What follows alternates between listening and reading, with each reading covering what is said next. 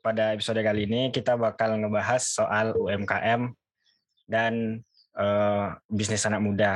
Soalnya di beberapa minggu yang lalu banyak banget muncul di beranda-beranda sosial media aku kayak anak-anak muda sekarang tuh bingung gimana caranya bangun bisnis, branding bisnis tapi bingung mulainya dari mana. Nah, kali ini aku bakal ngebahas soal UMKM eh, bareng owner ataupun eh, pemilik bisnis kasus kasus Clean and Pen. Selamat datang Ibnu. Oke, kenalin nama aku Rifki Ibnu Soleh, bisa dipanggil Ibnu. Aku sendiri merupakan owner dari kasus Clean and Pen. Kasus Clean and Pen itu sebenarnya sebuah UMKM yang ada di kota Yogyakarta yang bergerak di bidang laundry atau bisa dikatakan tempat pencucian sepatu begitu. Pencucian sepatu ya. Uh, ini basic pertanyaan aja sih, no. Uh, awal mulanya tuh idenya tuh tahun berapa terus gimana perjalanannya tuh dari awal? Mungkin bisa kasih sedikit cerita. Kalau dulu punya awang-awang atau bahasa Indonesia-nya tuh niatan buat mempunyai usaha cuci sepatu tuh sebenarnya udah dari lama ya udah dari apa nih dari SMK mungkin cuman awang-awang tapi. Terus ingat sama teman sendiri ada yang udah pernah nyuci sepatu. Pernah apa ya? Ya aku sendiri juga sering nyuci sepatu terus jadi kepikiran kenapa enggak nyobain punya usaha cuci sepatu sih bareng teman-teman gitu. Nah dan akhirnya kemarin waktu awal pandemi daripada kabut juga kan di rumah ya. kita putuskan buat apa namanya buka usaha cuci sepatu tapi sebelumnya sebelum buat usaha cuci sepatu ini aku sama temanku ini udah nyobain nyobain buka usaha yaitu jualan es dalgona. Berarti uh, bisnis sepatu bukan bukan bisnis pertama ya? Ada beberapa bisnis lainnya ya sebelum ini. Sebelum bisnis sepatu ya, ini buat ya. Bener banget. Iya bener banget.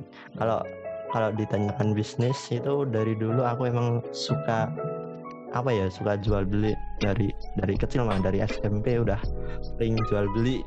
Ya entah itu jual beli apa ya makanan dari yang harga murah sampai yang lumayan pernah. Terus kemarin jualan es dalgona itu. Ya, ya, sempat viral sih nah, es dalgona nah itu sempat sempat viral itu nyoba nyoba aja sih sebenarnya tapi terus kemudian lambat laun kayak kurang berkembang atau kurang apa ya feedbacknya masih kurang jadi kita putuskan untuk untuk apa ya untuk berhenti sejenak untuk merehatkan tubuh ini. ya begitu. Berarti uh, ide untuk yang kasus and clean and, and pen ini kan dari apa ya? Dari SMK ya udah kepikiran pengen buka usaha cuci sepatu gitu. Malah justru eksekusinya di masa pandemi gini ya. Eksekusinya tuh di ya, masa pandemi gitu. Bukannya ada kendala, kan pandemi. Terus kita coba buka usaha. Itu gimana tuh kamu ngatasinya? Nah, soalnya aku tuh dari dari SMP ya suka nyuci sepatu sendiri ya. Memang dasarnya kayak gitu. Jadi kalau mau buka usaha kayak cuci sepatu ya mau kondisi pandemi atau enggak otomatis kan udah terbiasa kan. Jadi is oke okay lah. Jadi enggak ragu gitu. Oh, tuh. karena uh, basicnya udah udah ada ya. Jadi nggak perlu takut. Udah lagi. udah terbiasa. Gak jijik lagi lah ibaratnya. Iya iya iya. Bisnisnya gimana noh? Sendiri kah atau bagi hasil sama teman atau gimana? Ownernya nah, sendiri atau gimana? Nah kemarin kan dulu awal punya usaha ini kan juga apa ya dari punya usaha dalguna itu ya kan yeah. jualan dalguna itu itu kan bareng-bareng yang di mana itu berenam ya berenam tapi kemudian jadi nggak apa ya namanya udah punya kesibukan sendiri-sendiri lah katakanlah gitu. Kemudian kita putuskan apa ya yang buka usaha cuci sepatu ini tuh cuma bertiga, hmm, bertiga. dan nah ya itu. Kemudian ya udah dari tahun kemarin lebih tepatnya tanggal 21 September ya itu kita ngefixin buka ini gitu walaupun awalnya ragu-ragu ya karena nggak enak sama yang lain punya ah kalau yang lain gimana nih? Nggak mau nggak diajak masa ya kita sendiri gak ya gimana lagi? Udah mereka sendiri kan kita ya nggak bisa maksa. Nah gitu. Oh, owner bertiga ya? Bagi hasil berarti ya? Hmm. Iya bener banget. Berarti dari awalnya 6 terus uh, ada beberapa masalah internal terus yang tiganya nggak ikut nah yang tiga lagi nih uh, nge-remake ide terus bikin bisnis sepatu sampai sekarang ya? Ya bisa dikatakan seperti itu. Bisa bisa bisa. Benar banget. udah jalan berapa tahun sejak di uh, dibangun bisnisnya? Kasus Clean and Pen sendiri itu udah dari tanggal 21 tadi ya? 21 September tahun 2000 hampir jadi kalau sekarang tuh hampir satu tahunnya itu. Oh, udah mau jalan satu tahun ya? Dan ini tuh masih masih iya. masih enggak masih non profit eh kalau dibilang profit enggak juga ya terus profitnya tuh udah bisa dibukukan nggak? Maksudnya tuh udah nyentuh angka berapa? Seminimalnya tuh tiap bulan udah nyentuh angka berapa? kalau pandemi itu sebenarnya naik turun ya jadi kita tuh mau ngatain rata-rata segini tapi kadang tuh naik tapi kadang-kadang bulan ini kok turun banget jadi bingung gitu loh tapi kalau omsetnya sendiri udah lumayan banyak sih. Udah sampai berapa juta gitu. Enggak oh sudah bisa ya? Sudah bisa dibagi sendiri tiga ya? ya? Sudah bisa dibagi tiga berarti ya, ya. untuk tempatnya gimana?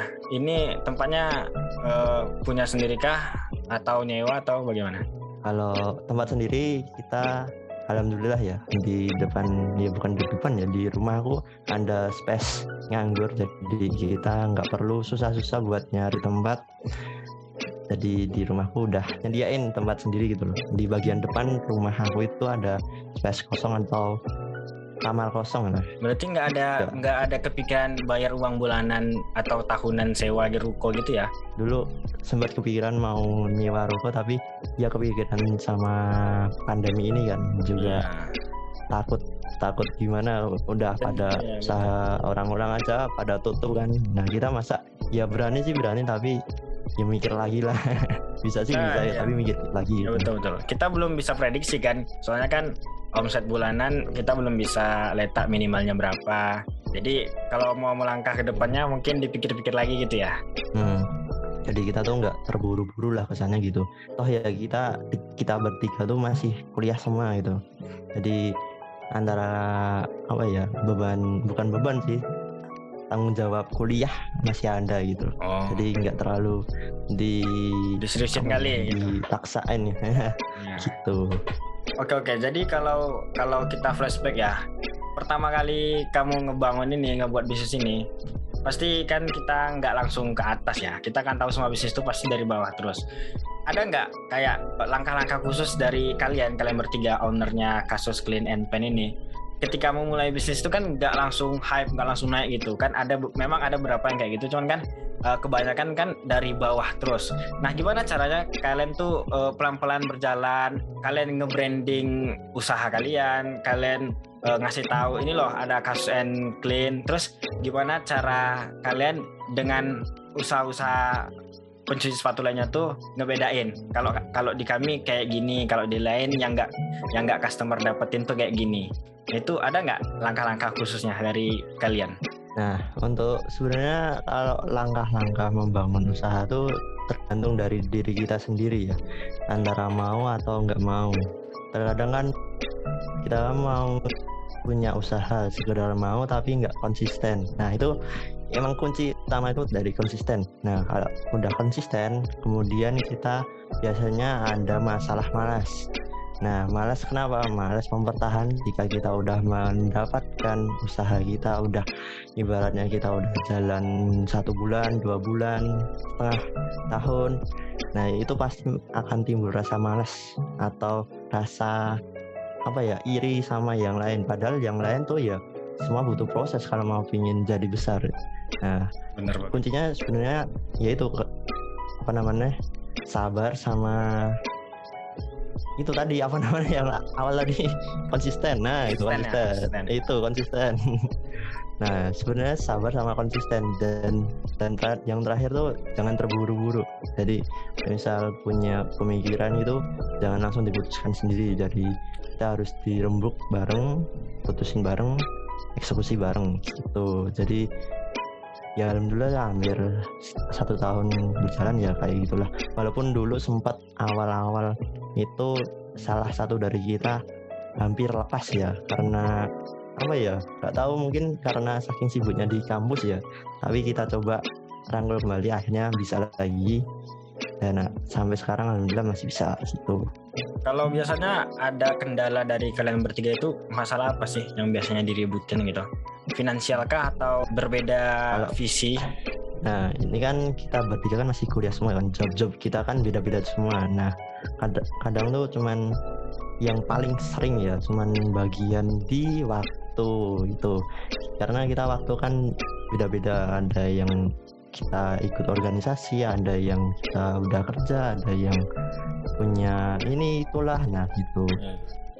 manajemen manajemen waktunya berarti ya belum bisa di dicari yang sama-sama yang ma yang masih sering terjadi itu itu tapi yang lain tuh udah aman.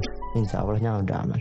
Oh berarti masalah waktu ya itu nanti uh, seiring berjalannya waktu juga kan. Kalian kan masih kuliah ya tadi dikatakannya karena jatuhnya si malah kamu ya, kan. Kalau dijadiin prioritas.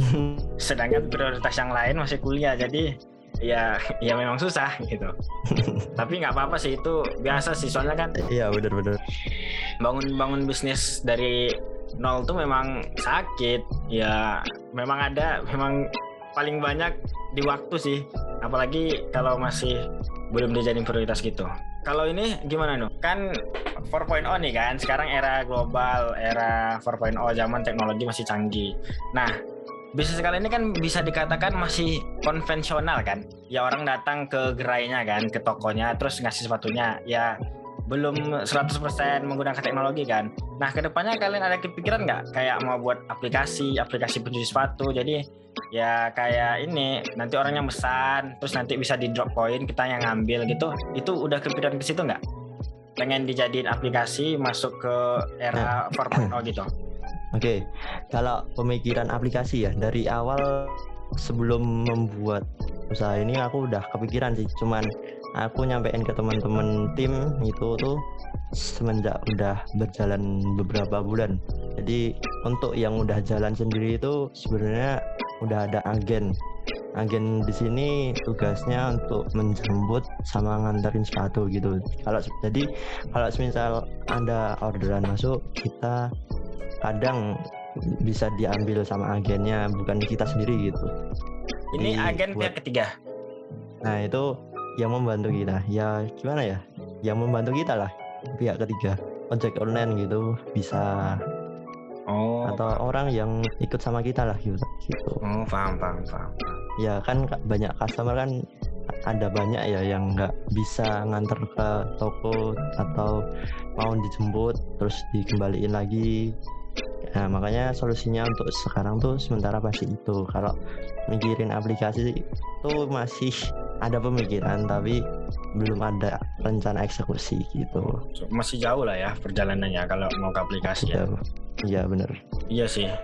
Masih banyak yang harus dipelajari juga ya gimana caranya. Soalnya kan nge-branding di aplikasi itu lebih susah ya. Soalnya kan sosial media ya kita targetnya ya sosial media terus orang yang melek teknologi gitu. Kalau ini no target pasar yang paling besar tuh nah. apa untuk bisnis ini? Kita tuh target pasarnya dari awal sampai sekarang tuh sebenarnya mahasiswa. Nah berhubung sekarang pandemi mahasiswanya pada pulang kampung, nah, jadi ya iya. begitulah.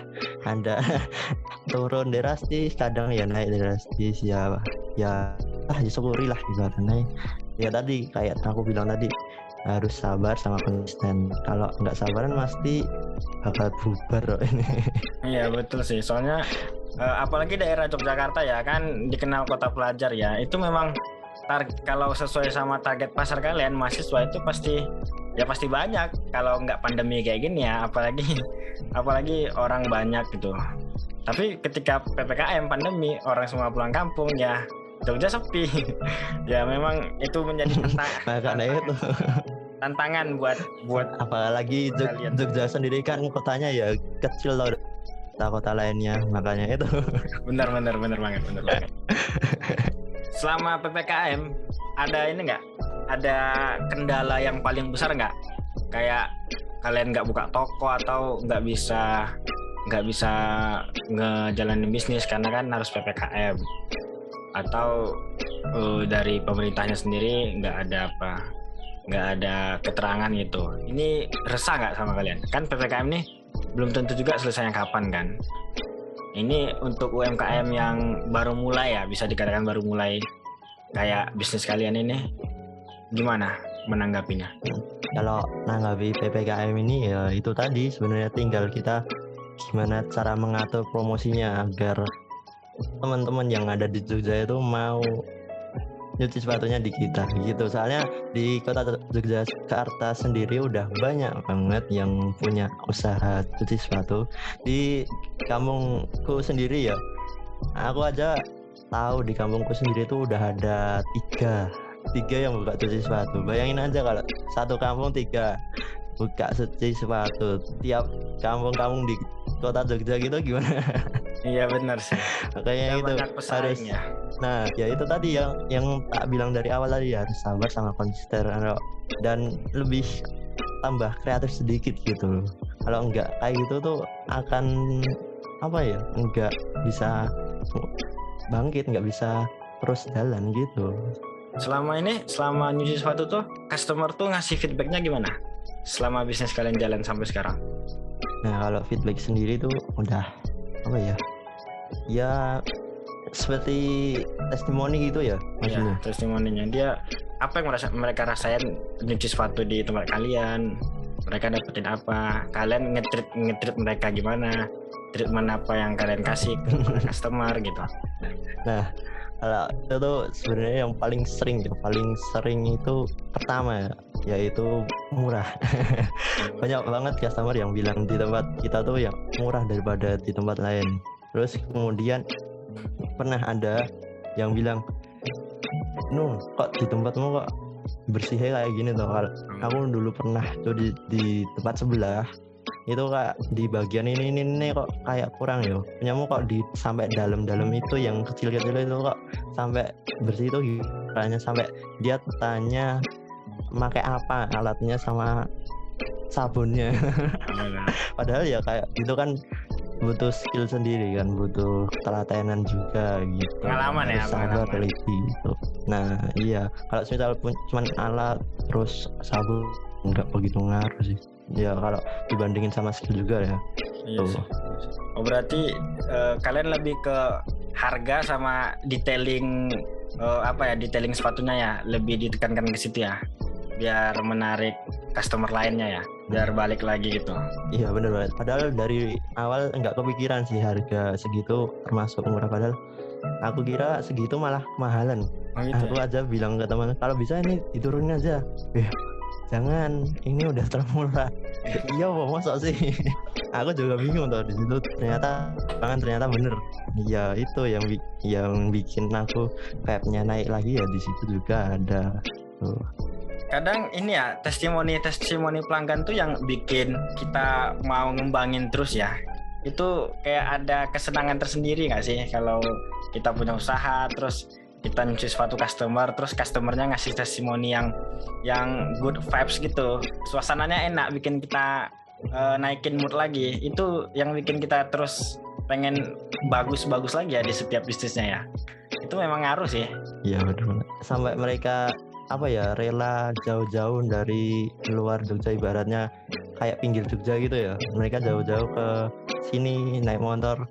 Tak tanyain sini sana berapa jam mbak? Satu jam mas. Aduh, yang bener. Sampai segitunya aku yang bener mbak? Iya ini tadi berhubung lewat juga jadi mampir lah.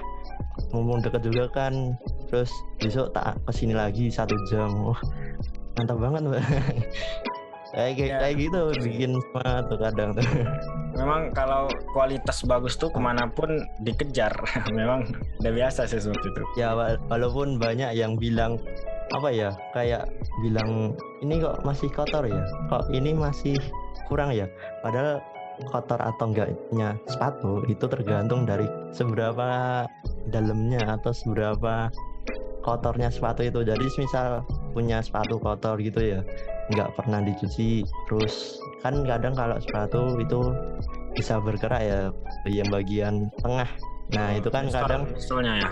se- uh, uh, kadang yang jadi apa ya bahan sambatan teman-teman semua itu kadang di situ. Karena di situ banyak banget kotoran yang susah dihilangi atau apalagi yang kotoran yang udah berkerak atau lecet kayak gitu ya kembali lagi ke penggunaan sepatu. Sebenarnya kotor apa enggaknya atau mudah apa enggaknya atau tidak sesuai tempatnya? Ya betul betul. Terus rusak lah sepatu kita. Ya ibarat gini lah. Kamu gunain sepatu biasa ya. Kamu gunain buat naik gunung. Itu kan nggak cocok nah, kayak gitu iya. kadang ada goresan gitu nah kayak gitu kan susah ya itu. Nah padahal yang bagian-bagian lainnya udah bersih. Itu biasanya yang paling sering disambati atau sering ada komentar tuh di situ. Padahal ya kalau dipikir-pikir sama before after itu jauh banget gitu. Karena ini ya kalau sepatu kotor terus kita nyuci cuma sekali apa yang mau diharapin maksudnya tuh ya kita nggak bisa ngembaliin kayak baru mesti satu atau tiga kali pencucian ulang baru bisa nampak hasil yang signifikan ya karena kalau sekali aja rasanya nggak mungkin bisa balik kayak baru langsung kan Nah, bener banget, bener banget.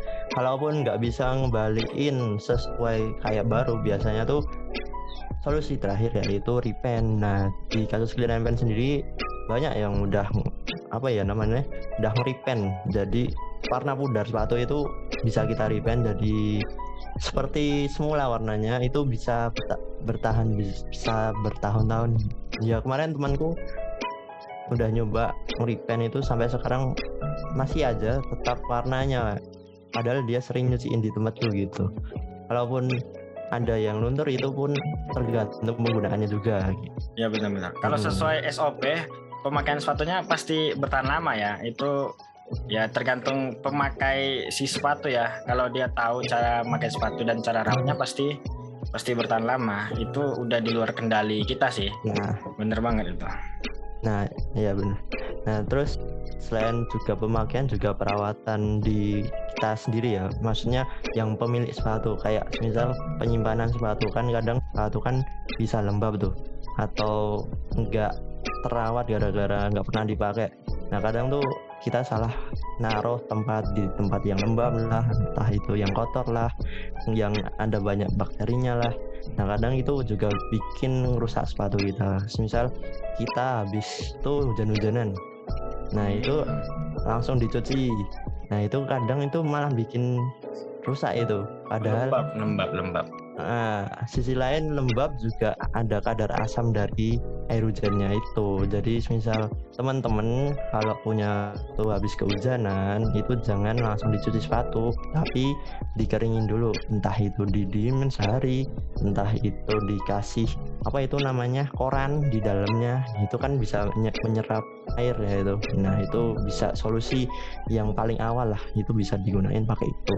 Terus kemudian kalau udah kering baru dicuciin. Jangan dibiarin karena kadar asamnya masih ada di sepatu gitu. Keren ya. Bisnis terus sekalian mengedukasi customer gitu. Keren sih. Itu kayak menarik menarik minat customer. Wah, di sini selain dicuci kita dikasih edukasi. Itu ini langkah-langkah apa sih? Langkah-langkah menarik customer gitu juga nggak? Kalian apabila ada customer datang ke toko oh ini diedukasi dulu dilihat uh, gimana untuk perawatannya setelah pencucian itu kalian nerapin kayak itu nggak selalu dikasih edukasi setelah pencucian. Sebenarnya kalau hal yang semacam kayak gitu tuh seperti keperluan sih. Kalau ada customer gitu kan ada yang keperluannya ingin cuci aja ya udah tinggal cuci aja. Nggak usah dijelasin panjang lebar kelamaan gitu. Kalaupun mereka ingin tanya-tanya atau bercerita lama-lama pun apa ya? Itu pernah dulu aku nerima customer itu minta di apa ya di repaint dua dua sepatu gitu. Terus dia tanya-tanya mas ini biar kayak gini hasilnya kayak gimana ya? Terus kalau ini solusinya gimana ya? Tak jawabin satu persatu itu. Datang di depan rumah itu dari jam berapa ya? Jam habis maghrib ya? Jam setengah tujuh. Itu sampai jam 8 itu untuk eh jam 9 malah hampir aja. semua yang di nah itu konsultasi. Itu awalnya tapi malah konsultasinya banyak banget. Itu enggak apa seru kayak gitu. Unik-unik ya uh, customer. Ke depannya tuh no kalian mau bisnis ini modelnya ke mana? Arahnya mau ke mana? Ke depannya? Kalau untuk yang lain apa itu masih ada rahasia deh. Masih bikin kepo. Oh. tapi ya kalau teman-teman ada yang mau support gitu bisa langsung kontak kita gitu. Mau usaha apa bisa langsung kontak kita gitu. Oh berarti kalian membuka diri untuk bekerja sama ya? Ya bener banget. Dalam hal apa pun itu. Nah, semacam bakti sosial itu pernah terus kemarin sama yang bergerak di apa namanya konveksi ya pernah kemarin. Nah, untuk para sponsorship Tuh, mungkin iya. bisa kontak ini usaha kasus clean and pen ke depannya ada ada ada gambaran terus ada pengen langkah selanjutnya tuh sudah ada project cuman belum bisa di di apa ya diumumkan ya. Tapi pasti ada gitu ya. Iya bener banget pasti ada itu. Kalau nggak ada kayak gitu kita bakal bingung arah tujuan kita tuh mau ke mana gitu. benar benar. Untuk di titik seka sekarang ini kamu ngerasain apa? Kalau ditanya untuk sekarang tuh ya bersyukur sih alhamdulillah gitu. Udah diberi kesempatan punya usaha kayak gini ya syukur. Yang udah aku lakuin ya itu bersyukur gitu. Ya bersyukur dan uh, ini kalaupun nggak kamu lakuin kemarin kamu nyesel nggak? Kamu nggak eksekusi bisnis yang sekarang nih? Pastinya nyesel sih soalnya apal sekarang yang nggak punya kegiatan ntar malah gabut. Tipsnya nih apa? Untuk berani memulai itu selain eh, konsisten dan pelan-pelan yang kayak kamu bilang tadi jangan malas terus konsisten. Kan banyak banget nih anak-anak muda ataupun ya orang-orang yang mau mulai berusaha mulai merintis sebuah usaha mereka tuh takut di awal. Mereka udah mikir ke depannya ah nanti pasti bakal nemui tantangan ini pasti bakal ketemu tantangan ini.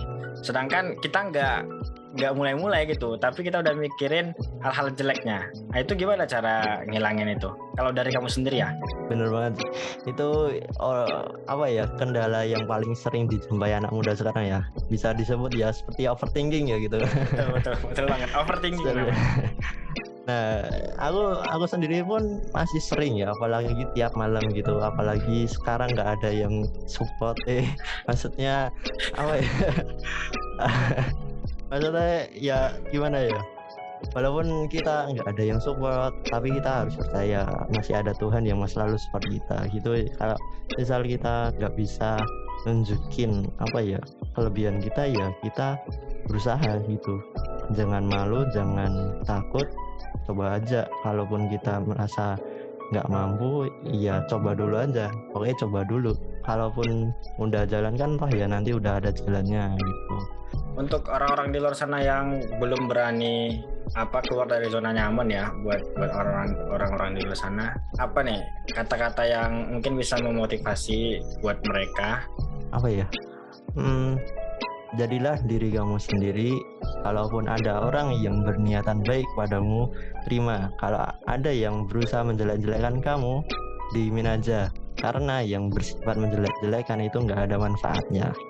Mungkin uh, jangan dari owner kasus clean. Uh, makasih banyak ya buat waktunya udah nyempatin main-main ke podcast aku. Uh, sukses terus untuk bisnisnya Ibnu. Terima kasih Ibnu.